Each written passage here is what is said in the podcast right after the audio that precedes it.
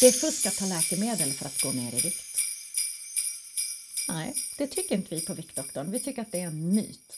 För så här är det ju, om jag har ont i huvudet, eh, då är det ingen som reagerar på att jag tar en Alvedon. Har jag feber eller om barnen har feber, då är det ingen som reagerar på om jag ger dem lite Ibuprofen för febernedsättning. Eh, det finns massor med olika sjukdomstillstånd som det finns medicinsk behandling för. Hör och häpna, fetma är ett sjukdomstillstånd. Och idag finns det medicinsk behandling. Så den där, den där eh, måste jag säga, jag tog lite extra tid själv där nu. Men Rebecka, eh, vad, vad handlar det här om tror du? När man säger så här, ja det är fusk att ta läkemedel för att gå ner i vikt. Jag tänker att det har funnits mycket okunskap eh, och det här eh, gamla att eh, man ska träna mer, äta mindre så går man ner i vikt. Och där vi ser att det är inte särskilt effektivt Eh, och den senaste tiden har ju narrativet i media drivit det här att det är lite fuskigt om man då tar piller eller vad man nu tar eh, istället för att eh, gå på det gamla, att träna mer och äta mindre.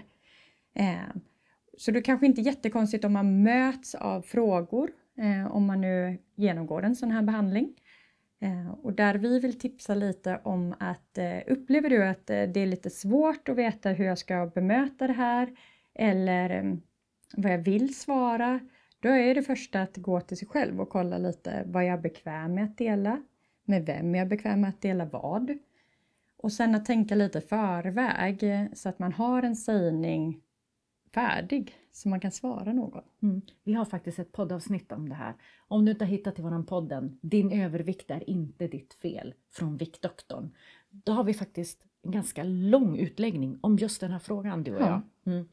All right. Eh, allting hittar du naturligtvis på viktdoktorn.se. Är det så att du vill få ett mail varje morgon så att du inte missar någon av våra viktmytslakter då skriver du bara upp dig, du hittar alla redan publicerade avsnitt där också och som sagt du hittar våran podd där vi har gått igenom massor av detta i mycket, mycket djupare detalj. Um, det här är en julkalender så att om du vill då ses vi imorgon igen. Um, eller hur? Ja. Mm. Ta hand om dig.